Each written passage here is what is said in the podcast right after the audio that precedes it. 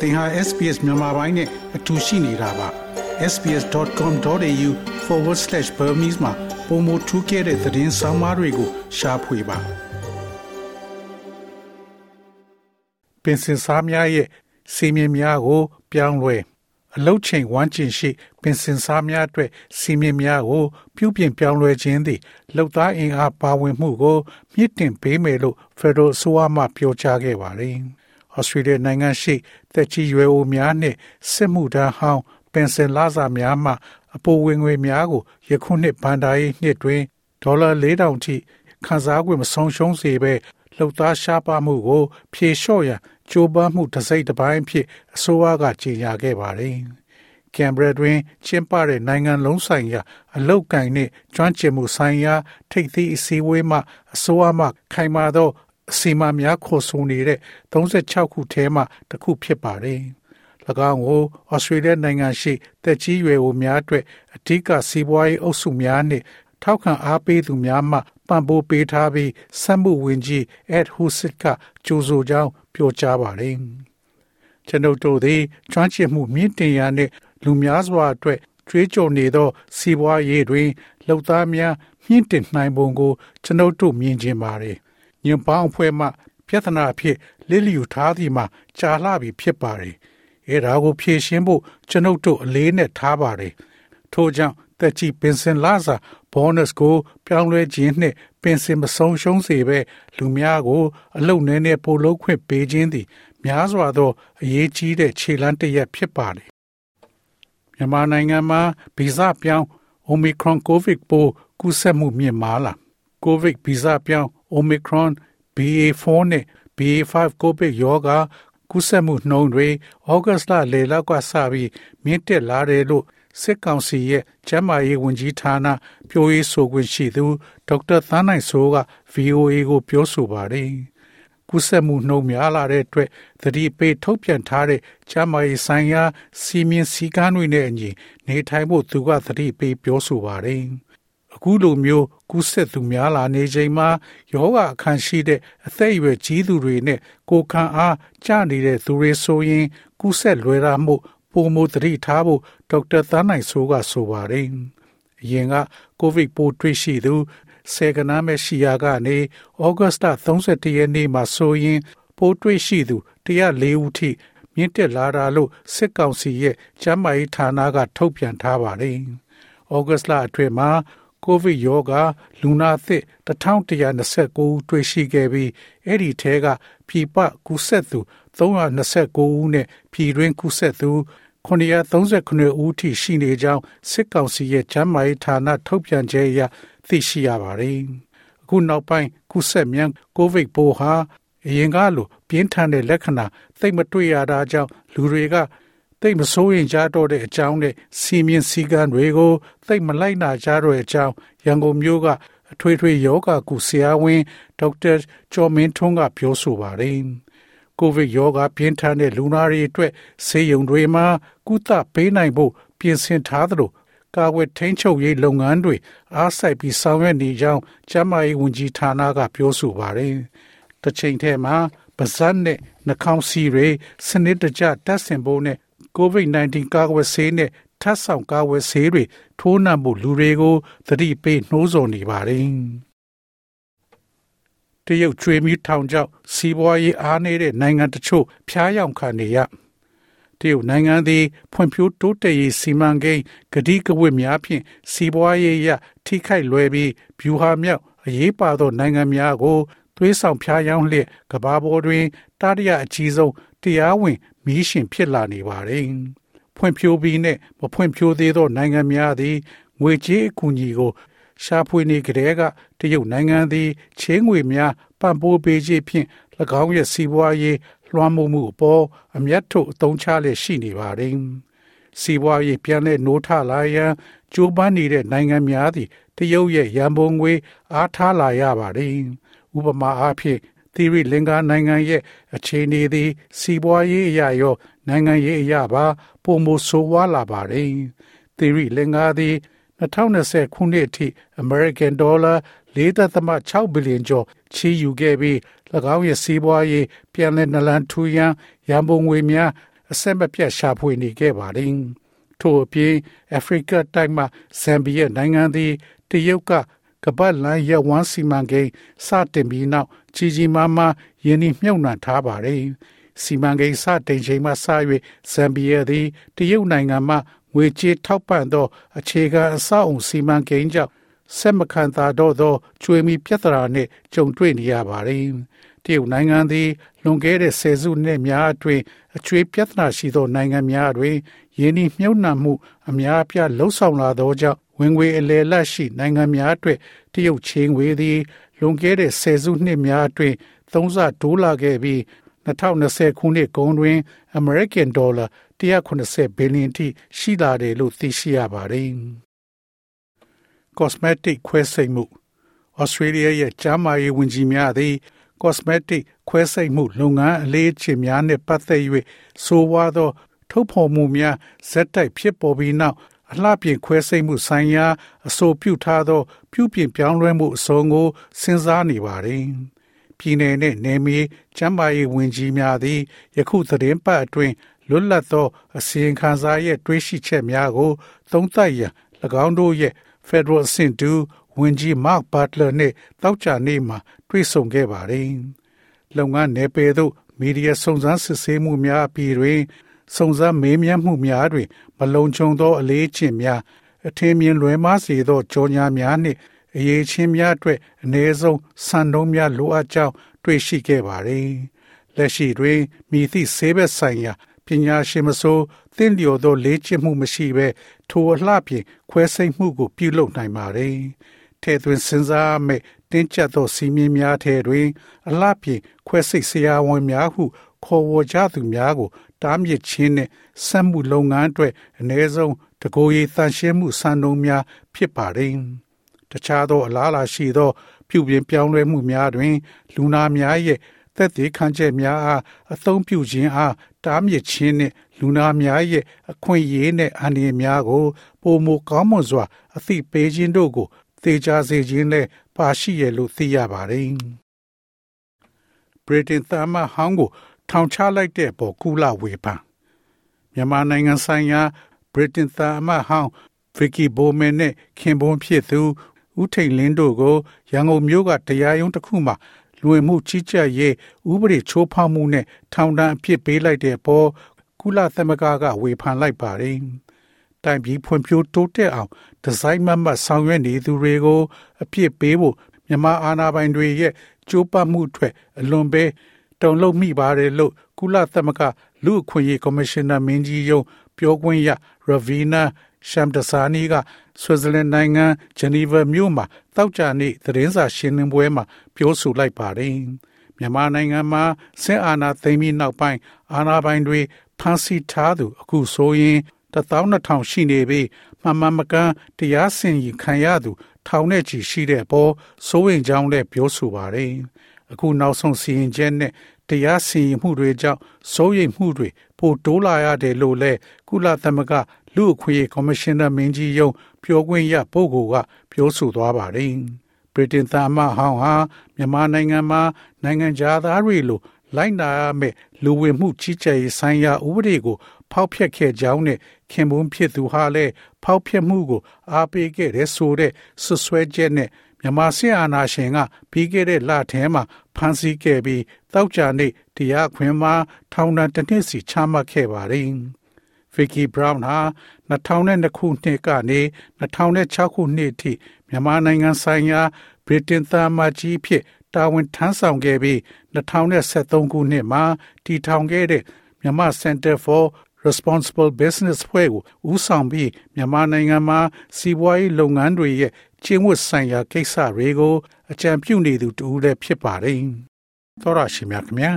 နောက်ဆုံးစီရင်စရာများအရဩစတြေးလျမှာအမျိုးသမီး၄ပုံတပုံကျော်ဟာကိုဝင်ပထမ14ပတ်အတွင်းကိုဝင်ဆောင်စောင့်ရှောက်မှုကိုတက်ရောက်ခဲ့ကြောင်းသိရှိရပါတယ်။ပထမ3လမှာပြုစုစောင့်ရှောက်ရန်အလားအလာနည်းသောသူများသည် နိုင်ငံရခြားတွင်မွေးဖွားသော အမျိုးသမီးများနှင့်အသက်ငယ်သော အမျိုးသမီးများပါပါဝင်တယ်လို့ဆိုပါတယ်။ ကိုဝင်စောပိုင်းတွင် ကိုဝင်ရှိစဉ်စစ်ဆေးမှုများစတင်ခြင်းသည်တိသာထင်ရှားသောခြားနားမှုကို ဖြစ်စေတယ်လို့ကျန်းမာရေးပညာရှင်များက ပြောဆိုပါတယ်။ဒါဆိုဒါကဘာကြောင့်အရေးကြီးတာပါလဲ။ဒေါက်တာအဒယ်မာဒိုလိုသည် Melbourne ရှိ Multicultural Center for Women's Health မှအမှုဆောင်ဒါရိုက်တာဖြစ်ပါတယ်။ကိုဝင်ဆောင် ဆောင်းရှောက်မှုသည်ကိုဝင်ဆောင်မိခင်နဲ့၎ င်းရဲ့ကလေးပါဝင်နှစ်ဦးစလုံးအတွက်ကျန်းမာရေးကိုမြင့်တင်ရန်ယောဂကာကွယ်ရန်ရည်ရွယ်ထားကြောင်းသူမကပြောဆိုပါတယ်။ seeing your health practitioner at a really early point. So, booking in early as soon as you find out about your pregnancy, and then having those regular appointments because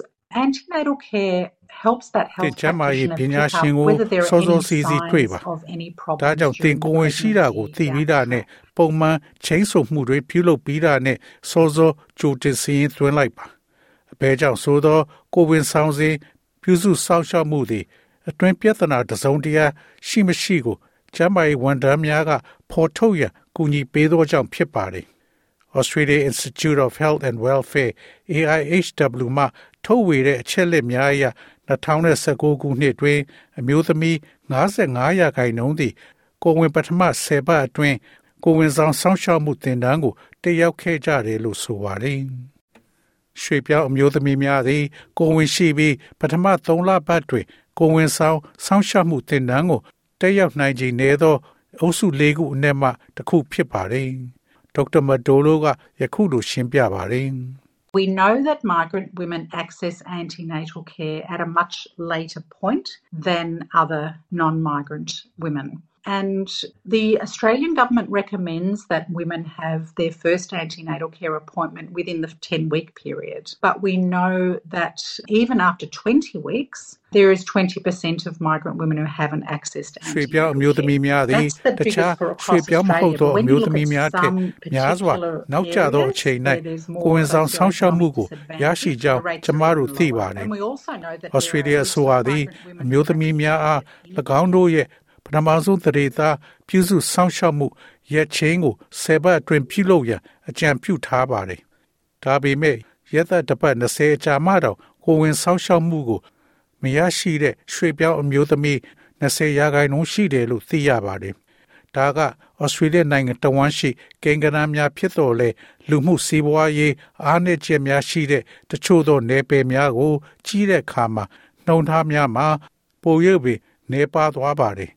နောက်ပြီးတော့ဆောင်းရှောက်မှုမရတဲ့ရွှေပြောင်းအမျိုးသမီးအဖွဲ့တွေလည်းရှိတယ်လို့ကျွန်ုပ်တို့သိရပါတယ်။ပုံမှန်စစ်ဆေးမှုတွေစောစည်းစွာ နောက်ဆက်တွဲပြဿနာများကိုသိရှိနိုင်ပြီးကာကွယ်နိုင်ကြောင်း Dr. Madolo ကပြောဆိုပါတယ် There are some conditions that migrant and refugee women have a higher rate of, so gestational diabetes, preeclampsia, and also higher rates of stillbirth. So if there are any issues throughout the pregnancy, most often the earlier that condition or risk of that condition is picked up, the earlier you can take preventive action yourself ကို ဝင်ဆောင်စီးချိုယောဂ preeclampsia နဲ့ကလေးအသိမွေးနှုန်းပုံမြင့်တဲ့နှုံသားတွေလည်းပုံများပါတယ်။ဒါကြောင့်ကိုဝင်တစ်လျှောက်လုံးမှာပြဿနာတစ်ခုခုရှိနေရင်အများစုကတော့စောစောကအခြေအနေဒါမှမဟုတ်အဲ့ဒီအခြေအနေဖြစ်နိုင်ခြေကစောပြီးကိုကိုကိုကိုကြိုတင်ကာကွယ်မှုတွေလုပ်နိုင်ပါတယ်။သို့မဟုတ်ချမ်းသာရေးဝန်ထမ်းများသည်ကိုဝင်ရှိစဉ်သာမကမွေးစားအဆင့်တွင်လည်းပြဿနာမဖြစ်အောင် မွေးဖွားရန်အတွက်အမှန်တကယ်ကောင်းမွန်သော အထောက်အပံ့တချို့ကိုပေးနိုင်ပါတယ်။ Amanda Henry သည် UNSW မှသားဖွားမီးရက်နှင့်မီးရက်ဗေဒဆိုင်ရာတွဲဖက်ပေါမောက်ခဖြစ်ပြီး St George Public Hospital နဲ့ Sydney Royal Hospital for Women မှအမျိုးသမီးများအတွက်သားဖွားမီးရက်ဆရာဝန်ဖြစ်ပါတယ်။ပထမဆုံးကိုဝင်ရှိလာတာနဲ့စစ်ဆေးခြင်းသည်ကိုဝင်ပထမ10ပတ်အတွင်းဖြစ်ပြီး14ပတ်ပြီးမှမဟုတ်ကြောင်း သူကအကြံပြုထားပါတယ် The tests that we do, um, routine sort of tests in pregnancy, I guess fall into three main categories. There's sort of the, the ultrasound, there's sort of blood and urine type tests, and then there's other tests ကျွန်ုပ်တို့ပြုလုပ်သောကိုဝင်ရှိစဉ်ပုံမှန်စစ်ဆေးမှုမျိုးကိုအဓိကအမျိုးအစား၃မျိုးခွဲထားပါတယ်။ ultrasound စစ်ဆေးခြင်းအမျိုးအစားရှိပါတယ်။သွေးနဲ့စီးစစ်ဆေးခြင်းအမျိုးအစားရှိပြီးထို့နောက်သအိမ်ကောင်းစစ်ဆေးခြင်း သွေးပေါင်စစ်ဆေးခြင်းနဲ့စိတ်ကျန်းမာရေးစစ်ဆေးခြင်းတို့စသည်တို့ရှိပါတယ် Professor Henry ကပထမအကြိမ်ချင်းဆိုမှုသည်အထွေထွေယောဂကုဆရာဝန်နဲ့တိုင်ပင်ဆွေးနွေးခြင်းဖြစ်တယ်လို့ဆိုပါတယ် When a woman first finds out she's pregnant, most often I think she'll go to her GP to get that confirmed. And then at that time, the GP would usually do an initial assessment, including the woman's blood pressure အ and မျိုးသမီး checking တူ whether သည် she's got ကို any ဝင်ရှိနေကြောင်းကို major ပထမဆုံးသိတဲ့အခါ conditions that မကြာခဏ might ဆိုသလို affect the ၎င်းသည် pregnancy အတီးပြုချက်ရယူရန် and then သူမ GP သို့သွားလေရှိပြီးထိုအချိန်တွင် GP သည်များသောအားဖြင့်ဒနာအမှုအကဲဖြတ်ခြင်း င်းကိုပြုလုပ်လေ့ရှိပါတယ်အမျိုးသမီးရဲ့သွေးပေါင်ချိန်အပါအဝင် ကိုယ်ဝင်ကို ထိခိုက်စေနိုင်သောအဓိကချမ်းမာရေးအခြေအနေများရှိမရှိစစ်ဆေးခြင်းထို့နောက် GP မှသွေးနှင့်စီးစစ်ဆေးခြင်းတချို့ကိုလုပ်ခိုင်းလေ့ရှိပါတယ်ထို့နောက် GP သည်အမျိုးသမီးနှင့်အများသူငါနှင့်ပုဂ္ဂလိကစောင့်ရှောက်မှုရွေးချယ်မှုများကိုဆွေးနွေးမှာဖြစ်ပါတယ်။ ultrasound ရိုက်ခြင်းနဲ့ပတ်သက်လို့ Professor Henry က Australia ကိုယ်ဝင်စောင့်ရှောက်မှုလမ်းညွှန်ချက်များအရအကြံပြုထားတဲ့တစ်ခုတည်းသောအရာဖြစ်ပြီး ultrasound ကို16ရက်မှ20အပတ်ကြာမှလုပ်သင့်တယ်လို့ဆိုပါတယ်။သို့သောအမျိုးသမီးများစွာသည်လည်း scan ကိုချိန်ဆိုပြီးလှုပ်ထားလို့ရပါတယ်။အစောပိုင်းချိန်ဆိုပြီးလှုပ်တဲ့ scan ဖြစ်ပါတယ်။တကယ်ပင်သင်ကောက်ယူမဲ့အရာများဟာဥပမာအားဖြင့်ဝင်းတွင်သေသမတိုးတက်တာကို သင်သိနိုင်ပါတယ်။ကံမကောက်ရင်ဒါဟာကိုယ်ဝင်ပြတ်ကြပေမဲ့အစောပိုင်းမှာတော့မဖြစ်သေးပါဘူး။စောစီစွာ scan ဖြစ်ထုတ်ယူနိုင်တဲ့တခြားအဓိကအချက်မှာကိုယ်ဝင်ဆောင်စဉ်တရေသားဟာသိရင်တွင်းမှာမဟုတ်ပဲတခြားနေရာကိုရောက်နေပါက atopic ကိုဝင်လို့ခေါ်ဆိုပါတယ်အမျိုးသမီးများစွာရှိနိုင်တဲ့နောက် scan မှာကိုဝင်ဆက်တစ်ပတ်မှ73ပတ်ခန့်တွင်တစ်ခုဖြစ်ပါတယ်ဒီ scan ကို translucency scan သို့မဟုတ်ဂျားနေမြင်သာသော scan ပထမ3လပတ် scan သို့မဟုတ်အစောပိုင်းခန္ဓာဗေဒ scan သို့မဟုတ်စောစည်းစွာခန္ဓာဗေဒ scan ဟူ၍အမျိုးမျိုးသောအမည်များပေးထားတယ်လို့ပမောက္ခဟန်ရီကပြောဆိုပါတယ် So the very early scan, the dating scan, really the sorts of things you're going to be picking up are if, for example, the pregnancy is not progressing. So if unfortunately it is a miscarriage but just hasn't sort of started yet. And then ထို the အား other ထားရ major thing ဆောင်းလုံးမှု that you အလုံးစုံ pick ရ up ည် with ရွယ် the ချက်မှာ early scan ဖြစ်ပေါ်လာနိုင်တဲ့ is if ခရိုမိုဆိုး the ပြဿနာများ pregnancy အထူးသဖြင့် in the Down body, so syndrome the uterus ဦးနောက် wasn't ဖွံ့ဖြိုးမှုပြဿနာအစောပိုင်းကြောက်ကပ်ပြဿနာအလွန်စောသောနှလုံးဖွံ့ဖြိုးမှုများကဲ့သို့ကလေးများရဲ့အဓိကဖွဲ့စည်းပုံများကိုစောစီစွာကြီးစုရန်ဖြစ်ပါတယ် ထို့ကြောင့်၎င်းသည်16မှ20ပတ် scan တွင်ပုံမအသေးစိတ်ကြီးစုရမယ်အရာများစွာကိုကြိုတင်ကြီးစုခြင်းတစ်မျိုးဖြစ်တယ်လို့ကျွန်တော်ထင်ပါတယ် Professor Henry မှ Morphology scan သည်ကိုဝင်18ပတ်မှ20ပတ်အတွင်းကလေးရဲ့အလုံးစုံဖွဲ့စည်းပုံကိုစစ်ဆေးတယ်လို့ဆိုပါတယ်။ ထို့နောက်18ပတ်မှ20ပတ်ကြာမှလုပ်တဲ့ scan ဟာကလေးနှင့်ပတ်သက်သောအဓိကသီးသာထင်ရှားသောရုပ်ပိုင်းဆိုင်ရာပြဿနာများရှိမရှိစစ်ဆေးခြင်းနှင့်မိခင်ရဲ့အချင်းသည်လမ်းလွဲနေလားဆိုတာကိုစစ်ဆေးခြင်းနဲ့ပတ်သက်တဲ့အတွက်လူတိုင်းပြုလုပ်ရန်အကြံပြုထားပါတယ်။ဒါမှသာနောက်မွေးတဲ့အချိန်မှာပြဿနာတွေရှိလာမှာမဟုတ်ပါဘူး။တအိမ်ကောင်းရဲ့အရှိကိုလည်း18ပတ်ကနေ20ပတ်စကန်မှာစစ်ဆေးပါလိမ့်မယ်။ ပြမြအားဖြင့်ကလေးရဲ့ဖွဲ့စည်းပုံဆိုင်ရာမူမမှန်မှုအားလုံးရဲ့90မှ65ရာခိုင်နှုန်းခန့်သာသတင်းပတ်20ပတ်စကန်တွင် ကောက်ယူလို့ရတယ်လို့ပမောက္ခဟန်ရီက ရှင်းပြပါတယ်။အဲဒီမှာတချို့အရာတွေရှိတာကို တွေ့ရှိရပါတယ် The overall purpose of that ultrasound is to screen for potential chromosome problems, uh, in particular Down syndrome, and also to have an early look at the main structures of baby, like the very early brain ကျွန်ုပ်တို့ development, တွေ့ရှိရမယ့် kidney, တချို့အရာတွေရှိ very ပါ early တယ် heart တွေ့ရှိမှု development. So I ရဲ့ guess a- ရာနှုန်း a ပြည့် kind နီး of ပါးရှိနိုင် ahead ပါ of တယ် time ဥပ look မာအားဖြင့် of lots of ကြောရိုး things that have been ဘီ looked ဖီ at ဒါ in နဲ့ more detail ကြောက်ကဆိုင်ရာ and အဓိကပြဿနာတချို့သို့သောသိငယ်သောနှလုံးပြဿနာများကဲ့သို့သောတခြားပြဿနာတချို့ကိုဆန်းစစ်တဲ့နေရာမှာလွတ်သွားနိုင်ပြီးကလေးရဲ့အယိုးစုဆိုင်ရာအယိုးပြဿနာများသည့်ကိုဝင်နောက်ပိုင်းတွင် ထင်ရှားပေါ်လွင်ခြင်းမရှိပါဘူး Professor Henry ရဲ့အဆိုအရကလေးချမ်းမာလာမည်ကိုတရားရဂိုင်နှုန်းပေးနိုင်တဲ့စစ်ဆေးမှုတစ်ခုတည်းသို့မဟုတ် ပေါင်းဆက်ဆန်းသတ်မှုများမရှိဘူးလို့ဆိုပါတယ်။သို့သောကောင်းမွန်သောကိုဝင်ဆောင်းရှောက်မှုသည်စိုးစီစွာ နောက်ဆက်တွဲပြဿနာများကို ရှာဖွေတွေ့ရှိနိုင်ပြီးကာကွယ်ရန်သို့မဟုတ်တချို့သောကိစ္စများတွင်တရေသားအသေးမွေးခြင်းကိုပင် ကာကွယ်နိုင်တယ်လို့မဒိုလိုကပြောဆိုပါတယ်။ Then the 18 to 20 week scan that everybody is recommended to have in terms of checking for any major obvious physical problems with the baby and checking that the placenta is out of the way isn't going to cause problems when it gets to the birth. မိခင်တွေစောစောစီးစီးလုံနိုင်တဲ့အလွန်ရိုးရှင်းတဲ့အရာတွေကနေတရေသားအသေးဝေးဖွားခြင်းရာဂိုင်နှုန်းကိုကာကွယ်နိုင်တဲ့တားဆီးနိုင်တဲ့အရာတချို့ရှိပါတယ်။ချမ်းမာရေးပညာရှင်တွေက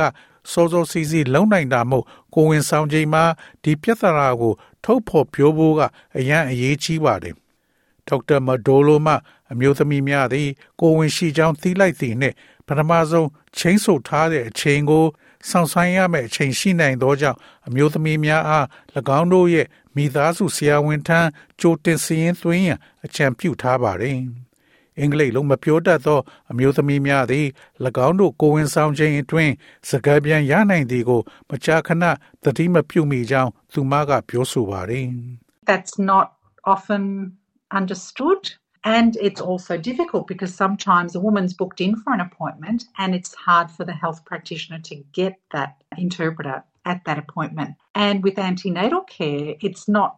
really good to delay. So I think that conversation ဒါကိုမကြာခဏ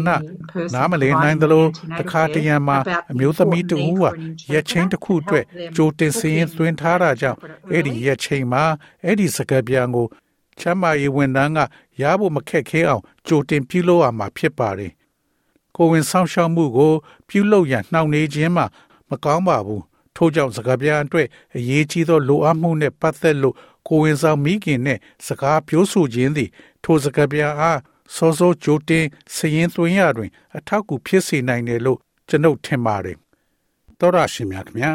နိုင်ငံတကာခီးသွွာလာမှုများ ပြန်လည်စတင်ချိန်မှာဩစတြေးလျရဲ့တင်းကျပ်တဲ့နေဆက်စစ်ဆေးမှုတွေနိုင်ငံရခြားမှလာရောက်လက်ပတ်သောတငယ်ချင်းများနဲ့မိသားစုဝင်များကို ပြင်ဆင်ထားဖို့အတွက်ပြောဆိုရအရေးကြီးပါတယ်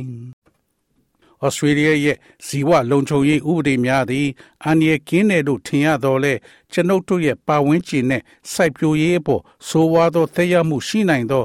တချို့ကုန်ပစ္စည်းများတင်သွင်းခြင်းကို တားမြစ်ထားပါတယ်မိမိကမကြော်ညာပဲအဲ့ဒီကုန်ပစ္စည်းများတွေကိုယူဆောင်လာဖို့ကြိုးပမ်းတာကိုဖမ်းမိရင်ဒဏ်ငွေကြီးကြီးမားမားနဲ့ဗီဇာဖြတ်သိမ်းခြင်းတောင်ခံရနိုင်တယ်လို့ဆိုပါတယ်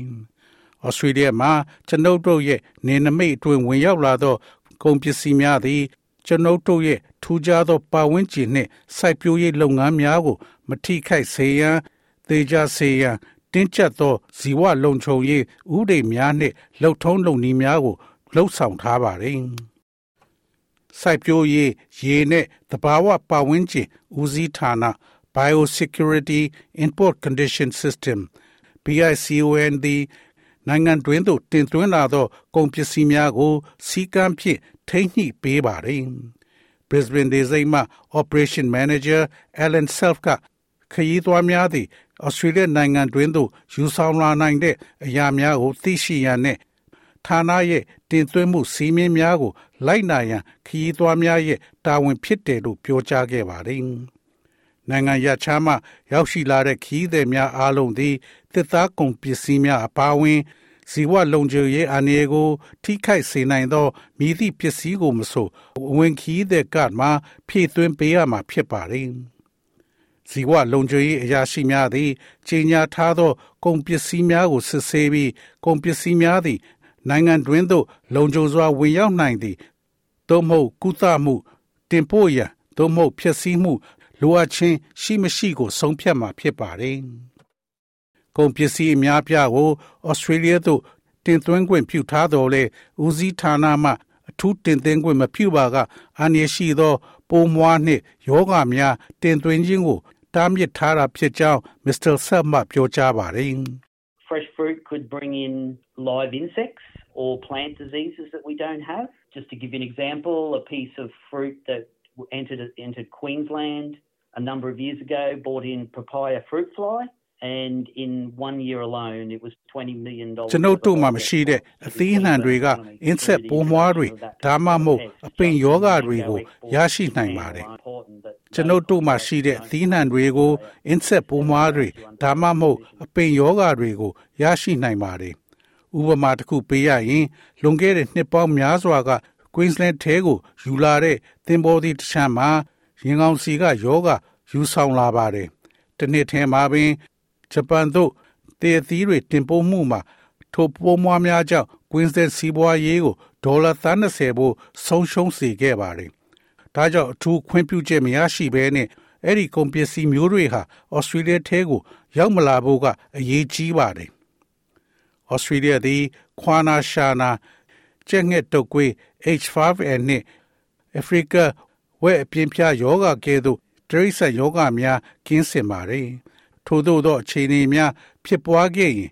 အဲ့ဒီယောဂများဝင်ရောက်လာခဲ့ရင်ဩစတြေးလျရဲ့စိုက်ပျိုးရေးစီးပွားရေးပေါ်ဆိုးဝါးစွာသက်ရောက်မှုရှိနိုင်ပါတယ်။ထို့ကြောင့် Mr. Self ကအသားထွက်ကုန်အားလုံးကိုကြီးညာရမယ်လို့ပြောဆိုပါတယ်။ So a piece of undeclared meat products such as dried beef or pork products salamis or sausages could introduce foot and mouth disease or African swine fever, which could cost Australian economies like billions of dollars to try and eradicate. So the consequences to everyone is a price of meat ဒါကြောင့်အမေသား6ဒါမှမဟုတ်ဝက်သားထွက်ပစ္စည်းတွေဆလာမီဒါမှမဟုတ်ဝက်ဥချောင်းတွေမျိုးကိုမကြေညာထားတဲ့ သားထုတ်ကုန်တစ်ခုဟာခွာနာရှာနာယောဂါကို ဖြစ်ပေါ်စေနိုင်ပါတယ်။သို့မဟုတ်အာဖရိကကဝက်အပြင်းပြားယောဂါသည်ဩစတြေးလျစီးပွားရေးကို အမြင့်ပြတ်ခြေမုံနိုင်ပြီးဒေါ်လာဘီလီယံနဲ့ချီကုန်ကျနိုင်ပါတယ်။ထို့ကြောင့်လူတိုင်းအတွက်အကျိုးဆက်မှာသစ်စူပါမားကတ်တွင်တင်တွေ့သောအသားသို့မဟုတ်ဝက်သားထွက်ကုန်များရဲ့ဈေးနှုန်းသည် swine fever သို့မဟုတ်ခွာနာရှာနာကဲ့သို့သော တခုဖြစ်ပေါ်လာပါကတိတိသာသာဈေးနှုန်းတွေမြင့်တက်သွားခြင်းပင်ဖြစ်ပါတယ်ပြီးတော့စင်တွေပေါ်ကကုန်ပစ္စည်းတွေနေပါလာတာကြောင့်အရေးသွေးကျဆင်းပြီးဈေးနှုန်းတွေတက်သွားမှာကတော့သိကြပါတယ်အဝင်ခီးသည်များသည်အယိုးထွင်ပြီးသားရေငန်းငါးများကိုလှီးဖြတ်ထားသဖြင့်ဩစတြေးလျသို့သယ်ဆောင်နိုင်တော်လဲမစ္စတာဆယ်ဖ်ကရှင်းပြထားတဲ့အတိုင်းရေချိုငါးများကိုတော့လုံးဝခွင့်မပြုဘူးလို့ဆိုပါတယ် You aren't allowed to bring filleted fish except for fish from freshwater species such as salmon and trout, but any sea fish or ocean fish, as long as they're filleted, there's no limited limit on them. But if you're going to bring the whole fish, it must be gutted and gilled. It must have the insides of the fish. Salmon ငါ trout အစရှိတဲ့ရေချိုငါးတွေကလွဲလို့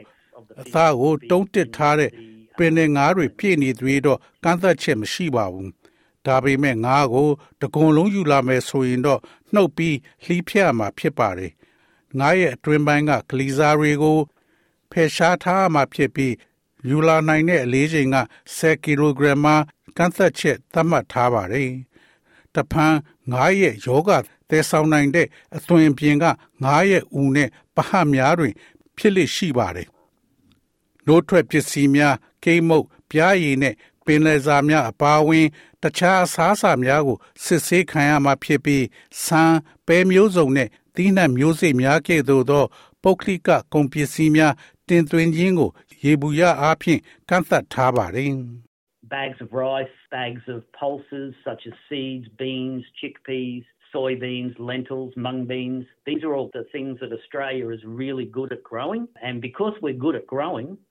we're able to export our surplus stocks to the rest of the world. We're making money for the country. And so if you bring these commodities in ဆန်အိတ်ပဲမျိုးစုံအိတ်ပဲတောင်ရှည်ကလပဲ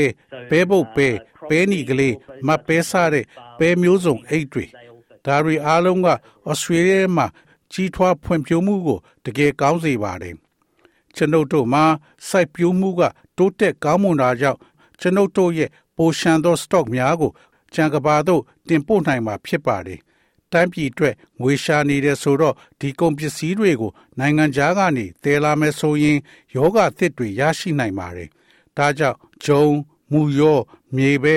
မြေပဲစိတ်အစရှိတဲ့သီးနှံမျိုးစေ့တွေဟာကန့်သတ်ထားတဲ့အဲ့ဒီအမျိုးသားထဲမှာပါဝင်ပါတယ်။တရားဝင်တင်သွင်းခွင့်ပါမစ်ဖြင့်မပါဝင်ပါကဥများသက်ရှိတရိษံများအပေများဖြတ်တောက် တစ်သားထွက်ကုန်ပစ္စည်းများနဲ့တခြားဇီဝဗေဒပစ္စည်းများကိုလည်းခွင့်မပြုပါဘူး။သို့တော်လည်းလွှစာအတွက်မျိုးစေ့တချို့ကိုတော့ခွင့်ပြုနိုင်တယ်လို့ Mr. Self ကရှင်းပြပါတယ်။ Seeds for sowing must be declared as they may be permitted, but we need to check our database to make sure that that particular species of seed is permissible or allowed to come into the country. And also, any seeds that anyone wants to bring in, they must be commercially packaged. မျိုးစိချဖို့အတွက်မျိုးစိတွေကို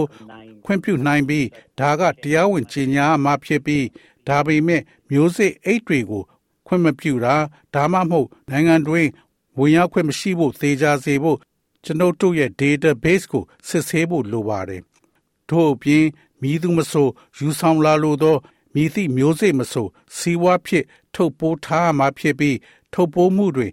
ရုခဗေဒအမည်မှန်ကန်မှုရှိရမှာဖြစ်ပြီးအဲ့ဒီမျိုးစိတ်များကို ခွင့်ပြုထားကြောင်းသေချာအောင်စစ်ဆေးနိုင်မှာဖြစ်ပါတယ်။ Mr. Self ကဒီကုန်ပစ္စည်းတွေကို မကြေညာခြင်းရဲ့အကျိုးဆက်တွေက တော်တော်ပြင်းထန်နိုင်တယ်လို့ဆိုပါတယ်။ Those fines Uh, they could range from $444 for small breaches, so not declaring wooden items, basketware, which could have insects, eggs, fresh eggs, $444. The next step of the fines is $332, which is အဲ့ဒီတန်ချင်းငွေတွေကအသေးစားဖောက်ဖျက်မှုအတွက်ဒေါ်လာ444ကစပါတယ်။ထို့ကြောင့်သစ္စာပစ္စည်းများအင်းဆက်ပိုးမွားများဥများလက်ဆက်သောဥများချင်းတောင်းထည်များကိုကြီးညာပါ။သို့မဟုတ် ဓာငွေကနောက်တစ်ဆင့်မှာလက်ဆက်သောအသီးနှံများကိုမချေညာဘဲယူလာပါကဓာငွေက6ယူနစ်ဖြစ်တဲ့1332ဒေါ်လာဖြစ်နိုင်ပါတယ်။ဇီဝလုံခြုံရေးအရာရှိတဦးကဓာငွေဒေါ်လာ2600ကို ထုတ်ပေးနိုင်သည့်ပြင်းထန်ဆုံးဒဏ်ကြေးဖြစ်ပါတယ်။၎င်းဟာအသားထုတ်ကုန်ကိုမချေညာခြင်းအတွက်ဓာငွေတက်တာဖြစ်နိုင်ပါတယ်။မချေညာထားသောကုန်ပစ္စည်းများသည်တိသာထင်ရှားသော ဇီဝလုံခြုံရေးအန္တရာယ်ဖြစ်စေပါက၎င်းတို့ကိုတင်သွင်းရန်ကြိုးပမ်းသည့်ခီးသွားသည့်ဩစတြေးလျသို့ဝင်ခွင့်ကိုပင်ညှင်းပယ်ခံရနိုင်ကြောင်း၎င်းကထောက်ပြပါသည်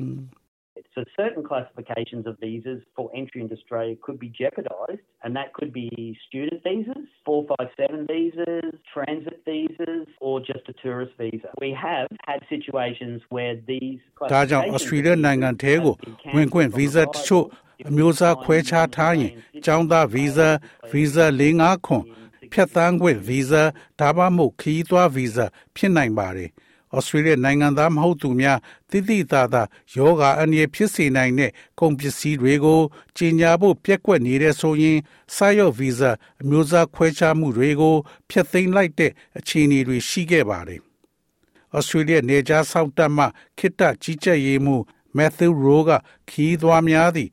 နိုင်ငံရခြားရောင်းချသူများထံမှအမှတ်တရလက်ဆောင်တချို့ကိုဝယ်ယူသည့်အခါမှာတတိထားသင့်ကြောင်းပြောဆိုပါတယ်။ Well, any item that can cause harm to, to people in Australia is, is regulated in some way, and, and that's the job of the Australian Border Force, is to identify those goods at the border and make sure that they don't find their way into the community. So we often see uh, weapons such as throwing stars, crossbows, knuckle dusters, other Australia မှာရှိတဲ့လူတွေကိုအန္တရာယ်ဖြစ်စေနိုင်တဲ့ပစ္စည်းမှန်သမျှကိုတနည်းတစ်ဖုံထိမ့်ချုပ်ထားပြီးဒါက Australian Border Force ရဲ့အလုပ်ကတော့နေဆက်မှာရှိတဲ့အဲ့ဒီကုန်ပစ္စည်းတွေကို ဖော်ထုတ်ပြီးလူမှုအတိုင်းဝိုင်းထဲကိုသူတို့ဝင်ရောက်လို့မရဘူးဆိုတာကိုသေချာအောင်လှုပ်ဆောင်တာပါ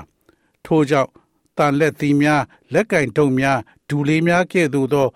လက်နက်များကိုနိုင်ငံရခြားမှရောင်းချသူများကဩစတြေးလျများကိုယူဆောင်လာနိုင်ကြောင်းမကြာခဏပြောပြလိရှိတဲ့ကိစ္စတွေကအာရှတိုက်ရဲ့တခြားနေရာများမှာလည်းတွေ့ရှိနိုင်ပါတယ်တကယ်တော့ဒီပစ္စည်းတွေကို တားမြစ်ထားတဲ့အခါအဲ့ဒီလူတွေကသွင်းရင်ဓာငွေဒါမှမဟုတ်တရားစွဲခံရနိုင်ပါတယ်။တနတ်မတင်သွင်းမီပြည်ထောင်ဌာနကစာဖြင့်ရေးသားခွင့်ပြုရမယ်လို့ Mr. Rowe ကပြောဆိုပါတယ်။ So many items are controlled and can only be imported into Australia if you do have a permit. So firearms are an example of that. So for a permit to be issued by a relevant state ဒါကြောင့်ပစ္စည်းတော်တော်များများကိုထိမ့်ချုပ်ထားပြီးသစ်မှ permit ရှိမှ Australia ကို တင်သွင်းနိုင်ပါတယ်။ဒါကြောင့်တနက်တွေကဥပမာတစ်ခုပါ။သက်ဆိုင်ရာပြည်နယ်ဒါမှမဟုတ်ရဲတပ်ဖွဲ့ကထုတ်ပေးတဲ့ခွင့်ပြုမိန့်အတွက် Australia ကိုတနက်တင်သွင်းဖို့ဘာတွေလိုအပ်မလဲဆိုတာကိုသေချာအောင်စုံစမ်းလေ့လာပါ။တကိုယ်ရေးသုံးဆေးဝါးများကို ခွင့်ပြုထားတော်လဲ၎င်းတို့သည်အင်္ဂလိပ်ဘာသာဖြင့်ရေးသားထားသော သစ္စာဝန်ထံမှဆေးစာသို့မဟုတ်ပေးစာတို့ကို မကြာခဏလိုအပ်မှာဖြစ်ပါတယ်။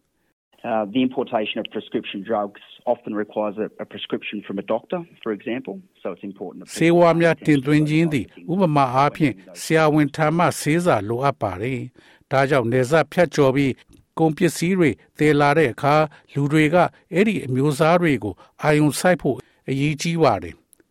တန်တဲ့အဖြစ်ရင်မစ္စတာရိုးကအကောင်းဆုံးအရာမှာသင်ရဲ့ဝင်ခီးတဲ့ကတ်တွင်ကုန်ပစ္စည်းများကိုကြီးညာပြီးအကူအညီတောင်းရန်အတွက်ဩစတြေးလျနေဆက်တပ်ဖွဲ့အရာရှိထံမှရှိကခြင်းဖြစ်တယ်လို့ဆိုပါတယ်။ Well, if you do find yourself in an Australian port, uh, airport with, with an item that they think might be illegal or prohibited, they should declare it on their incoming passenger card and speak to an ABF officer. If you're unsure, please declare it. We do have a wide range of translation cards available that can assist you.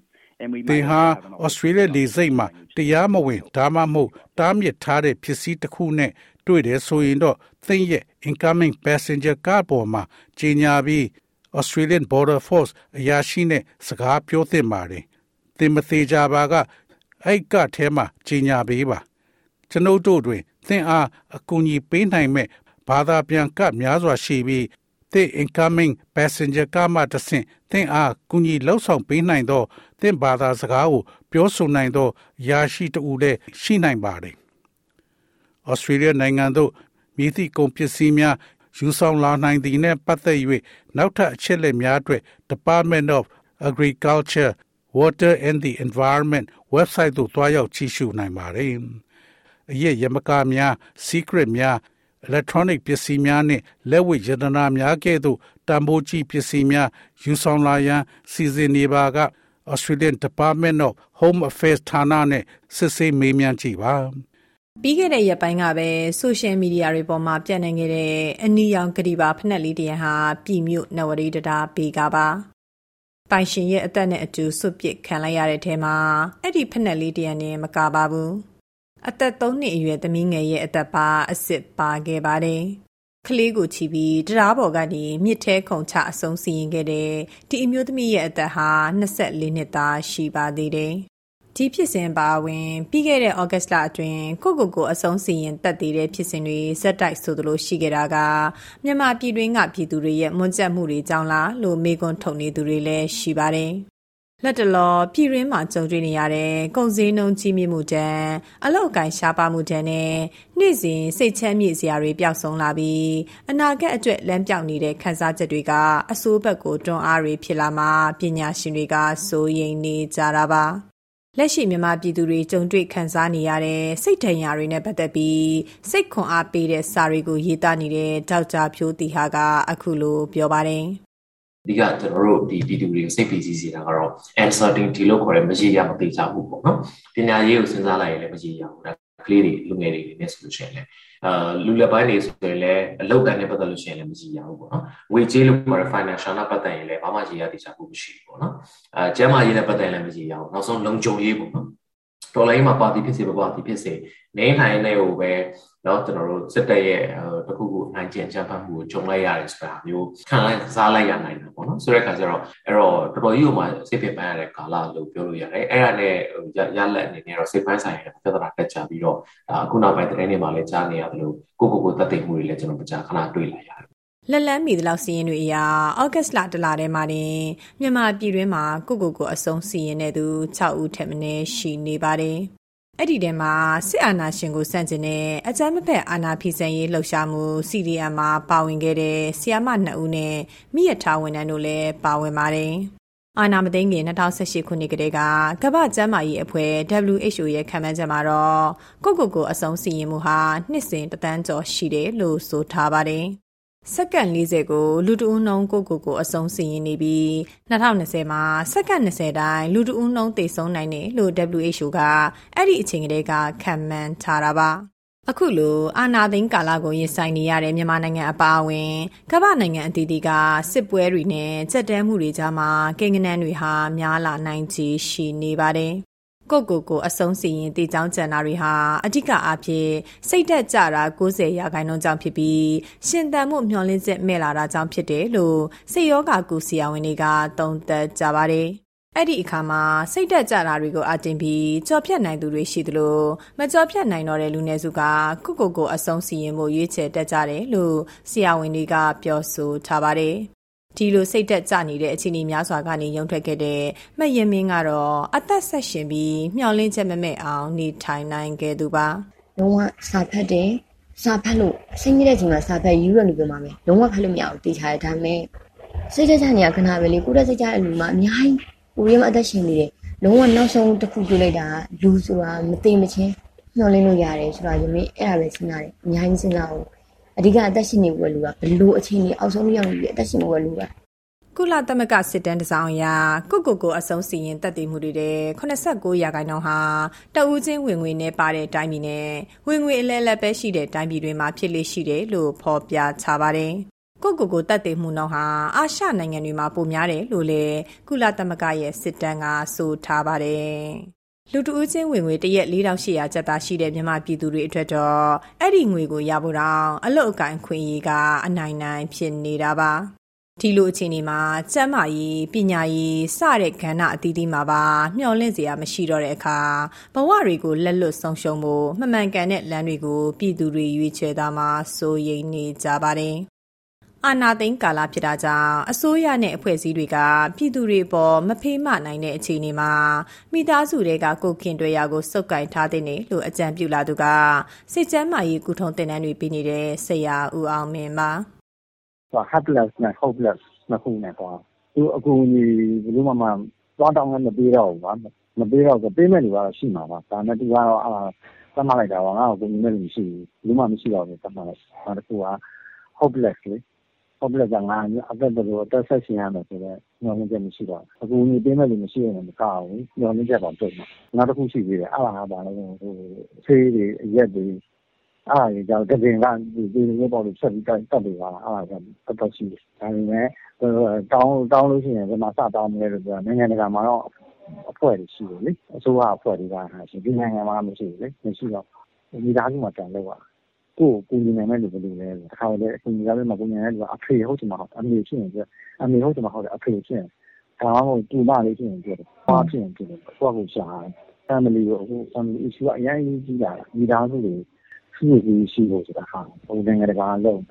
2018တုန်းကတော့ WHO ရဲ့နိုင်ငံအလိုက်မိမိကိုယ်ကိုအဆုံးစီရင်တဲ့နှုံစီရင်မှာဆိုရင်နိုင်ငံပေါင်း200ရှိတဲ့အထက်မြန်မာနိုင်ငံကအဆင့်94မှာရှိနေပါတယ်။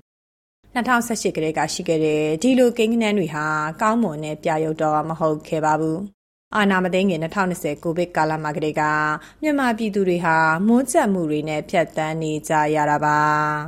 လူအများစုကစိတ်ဖိစီးမှုစိတ်ပင်ပန်းမှုစိတ်သက်ကြမှုတွေကိုပုံမှန်လင်းလင်းတိုင်ပင်ဆွေးနွေးဖို့ဝင်လေးတက်ကြပြီးတယောက်တည်းကြိတ်ဖြည့်ရှင်းတက်ကြသူများတယ်လို့စိတ်ပညာရှင်တွေကဆိုပါတယ် ရန်ကုန်မြို့ကအသက်20အရွယ်မဖူတက်ကတော့စိတ်သက်ကြလာရင်သူများကိုပြောပြတာထက်စိတ်သက်သာစေမဲ့အရာတွေလုပ်လို့ရှိတယ်လို့ဆိုပါတယ်ဘယ်သူမှတော့ဒီလိုမျိုးအရင်မှတက်လာနေစဉ်းစားလာတော့ရုံးထွက်ချင်ရတယ်ကြည့်လေအဆုံးချိန်မှာကိုကိုကိုဒီဟာကြီးဖြစ်သွားမှလွတ်မြောက်မယ်လို့ထင်တာကြာအမှန်တကယ်မလွတ်မြောက်ဘူးပေါ့နော်ဒါကြီးကကိုကလွတ်လိုက်ကိုမိသားစုကြီးကကြံခဲ့သေးတယ်လေကိုမရှိလို့တော့ကိုကတော့ပြီးသွားတယ်လေရှားမိသားစုမှာအဲ့ဒီပက်ဆာကြီးကကြံခဲ့တယ်စိတ်ကကြမလားဟိုတခုကိုကိုကိုမကောင်းတာလုပ်တော့မယ်ဆိုရင်တော့ လုံးမဲ့စားစောင်းမှချားကြတယ်ငါဘာလုပ်တယ်လဲငါဘာလုပ်တယ်စားရေးတယ်ပေါ့ပြီးတော့မိသားစုမျက်နှာကိုပြန်ကြည့်တယ်မိသားစုကြောင့်ပြန်စဉ်းစားပြီးတော့အားတခုလောက်လိုက်ဒီလိုလောက်လိုက်မယ်ဆိုရင်အမိသားစုဘယ်လိုဖြစ်မလဲဆိုတဲ့အပြင်လုံးဖြစ်ခဲ့ဘူးပေါ့နော်လို့စိတ်သက်သာတယ်လည်းအဲ့ဒါနဲ့တမီးတော့ရက်တည်လာတာကိုလုံးနေနိုင်ကြရတော့ပေါ်ဒီဟာကြီးက motivation အောင်လုပ်လို့ရတာပဲလေအသုံးစင်ရတိုင်းလိုက်တာကအဖြစ်တစ်မှမဟုတ်တာ နိုင်ငံတကာကျန်းမာရေးအဖွဲ့အစည်းတွေဖြစ်တဲ့ WHO နဲ့ International Association for Suicide အဖွဲ့တွေရဲ့အဆိုအရ စိတ်ပင်ပန်းမှုဒဏ်ကို ခံစားနေရသူတွေဟာ ကိုယ့်ကိုယ်ကိုတတ်သိဖို့25ကြိမ်ထက်မနည်းစူးစမ်းကြတယ်လို့သိရပါတယ်။ဒါဟာ စိတ်ချနေသူတွေရဲ့ ပတ်ဝန်းကျင်ကတတိထားနိုင်ဖို့ အလားအလာတွေလည်း ဖြစ်ပါတယ် လူတယောက်စိတ်သက်ကြနေတယ်ဆိုတာကိုသူတို့ပတ်ဝန်းကျင်ကလူတွေသိစေနိုင်တဲ့အချက်တွေကကာယကံရှင်ဟာဘယ်သူနဲ့မှစကားမပြောတော့ဘဲတည်သက်နေလာတာသူတို့တန်မိုးထားဆူဆောင်တက်တဲ့ပစ္စည်းတွေကိုသူများပေးပစ်တာသူတို့သိကျင်တဲ့အကြောင်းမကြခဏပြောလာတာတွေလူမှုကွန်ရက်စာမျက်နှာတွေပေါ်ရေးသားလာတာတွေပါဒီလိုလူမျိုးတွေကိုပတ်ဝန်းကျင်နဲ့မိသားစုမှာတွေ့လာပြီဆိုပြစ်ပယ်မထားပဲဂယုဆိုင်ဖို့လိုအပ်တယ်လို့စေဘက်ဆိုင်ရာကျွမ်းကျင်သူတွေကထောက်ပြကြပါတယ်။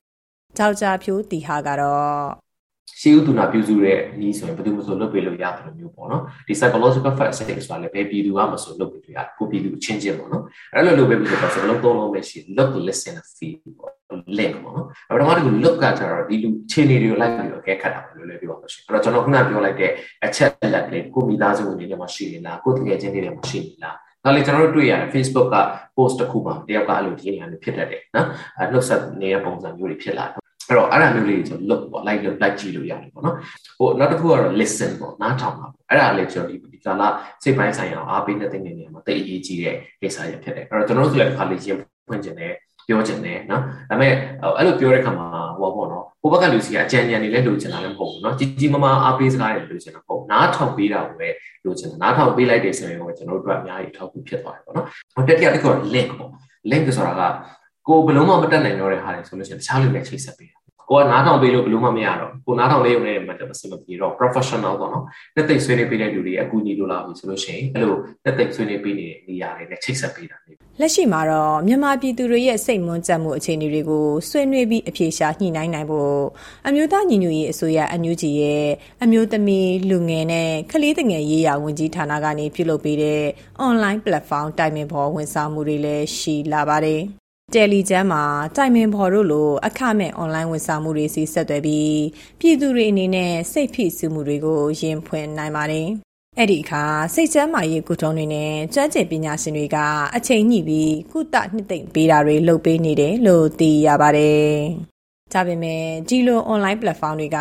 အင်တာနက်ခဈေးကြီးတဲ့အပြင်လိုင်းမရတဲ့နေရာကပြည်သူတွေအတွက်တော့ဆက်သွယ်နိုင်ဖို့စိန်ခေါ်မှုတစ်ခုဖြစ်နေပါသေးတယ်။ ကြပြင် မြန်မာနိုင်ငံမှာတော့တန်း90ကျော်ရှိတဲ့ ပြည်သူတွေအတွက် ဆွေးနွေးပေးနိုင်မဲ့စိတ်ကျန်းမာရေး ဆရာဝန် အရေးအတွက်ဟာ200ကျော်ပဲ ရှိနေတယ်လို့စည်ရင်းတွေအရ သိရပါတယ်။ ဒါကြောင့်လက်ရှိ online ကနေဆွေးနွေးပေးတဲ့ platform တွေမှာဆိုရင်လည်းတရက်ကိုအများဆုံး9ရောက်လောက်သာဆွေးနွေးပေးနိုင်တယ်လို့ online ကနေစိတ်ကျန်းမာရေးဆွေးနွေးပေးနေတဲ့ဆရာဝန်တူကပြောပါတယ်။ဒါနဲ့ပတ်သက်တဲ့အသိပညာပေးတွေလှုပ်ဆော်မှုတွေဒါနဲ့ပတ်သက်တဲ့ဟောပြောပွဲတွေဒါနဲ့ပတ်သက်တဲ့ awareness program တွေတော့အများကြီးရှိစေချင်တယ်။ဘာဖြစ်လို့လဲဆိုတော့မြန်မာနိုင်ငံမှာရှိတဲ့ လူတွေကဒီစိတ်ကျန်းမာရေးနဲ့ပတ်သက်လာတယ်ဆိုလို့ရှိရင်ကျမတို့အနေနဲ့တိတ်ပြီးတော့မှအလေးမထားဘူးအရှိမထားတက်ကြတဲ့အတွက်ဒါတွေကိုအလေးထားဖို့လိုတယ်အရေးထားဖို့လိုတယ်ဆိုတော့ awareness တွေကိုများများပေးခြင်းအပြင်ဒီတွေကစိတ်ကျန်းမာရေးဂရုပြုဖို့ပိုသိလာနိုင်မလားပေါ့ဆိုတာလေးတော့ကျွန်မပြောချင်ပါတယ် ကဘာတဝမ်း စိတ်ပညာရှင်တွေကကုသမှုယောဂတစ်ခုလိုမှတ်ချက်ပြုကြတဲ့ ကိုကိုကိုတေချောင်းကြက်စီမှုတွေဟာ နေ့စဉ်မွန်ကျက်မှုတွေကို ရင်ဆိုင်နေရတဲ့ မြန်မာပြည်သူတွေစီရောက်မလာဖို့ အရေးကြီးနေပါပြီ စစ်အာဏာသိမ်းကာလ ကြုံတွေ့နေရတဲ့ ရုပ်ပိုင်းဆိုင်ရာ စိတ်ပိုင်းဆိုင်ရာဖြစ်စီမှုတွေကိုကြော်လွှားနိုင်ဖို့နဲ့ မရွေးချယ်တဲ့ ကိုကိုကိုတေချောင်းကြက်စီမှုတွေကို တားမြစ်နိုင်ဖို့ဆိုတာ ပြည်သူအချင်းချင်း လက်ကမ်းမှရမယ်အနေအထားမှာ ရှိလိုနေတာပါ ဒီသတင်းဆောင်မကိုတန်လွင်ခက်ကပေးပို့ကြတာဖြစ်ပါတယ်ဒါမျိုးသတင်းဆောင်မတွေကိုပိုနားဆင်လိုပါလား Apple Podcast Google Podcast Spotify တို့မှာသင်ပင်ရာဖြစ်ဖြစ်ရယူတဲ့ podcast ကနေပါ